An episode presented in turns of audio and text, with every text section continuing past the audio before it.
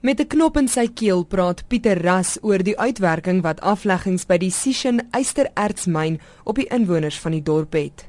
Ras, 'n voormalige voorsitter van die Katoo Sakekamer en sakeman, voel ook die afleggings aan sy sak. Dit het 'n baie groot impak op my besigheid.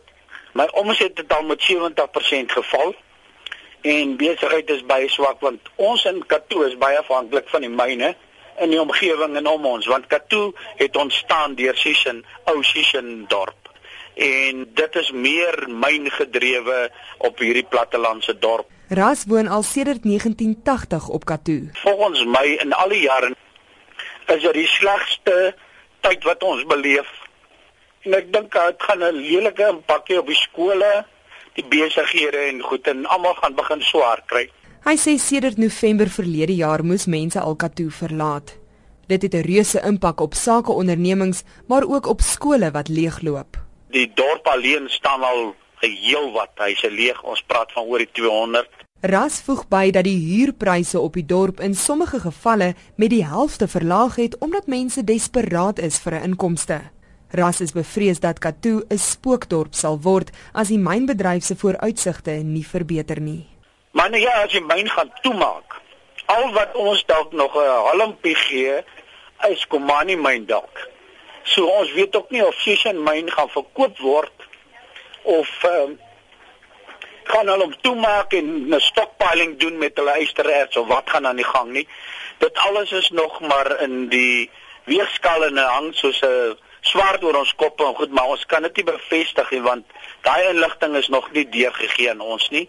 Ek dink hulle beveg ook maar vir oorlewing oor die ysterertspryse wat so swak is en die land se ekonomie wat uh, op hierdie stadium in swakheid gedompel is met die rand-dollar wisselkoers.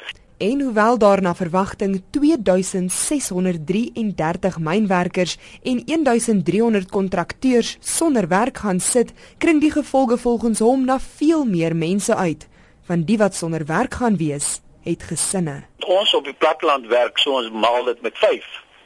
Hoekom ons dit met 5 maal is om jy moet dit onthou dis 'n man en 'n vrou en dalk miskien twee kinders. Daar is miskien huisgesinne wat groter is as twee kinders en dan miskien 'n bediende of 'n tuinwerker. Dis hoe ons op 5 uitkom. Maar Ras sê net soos baie ander mense op die dorp is Katoo sy huis en hy moet vertrou dat daar uitkoms gaan wees. Man, nou, ons is klomp wat daar positief en glo en vertrou en ons bid vir die Here vir ons. Ons staan op steene goed en buite staan. En ons glo en vertrou dat die dinge sal gedraai en beter word.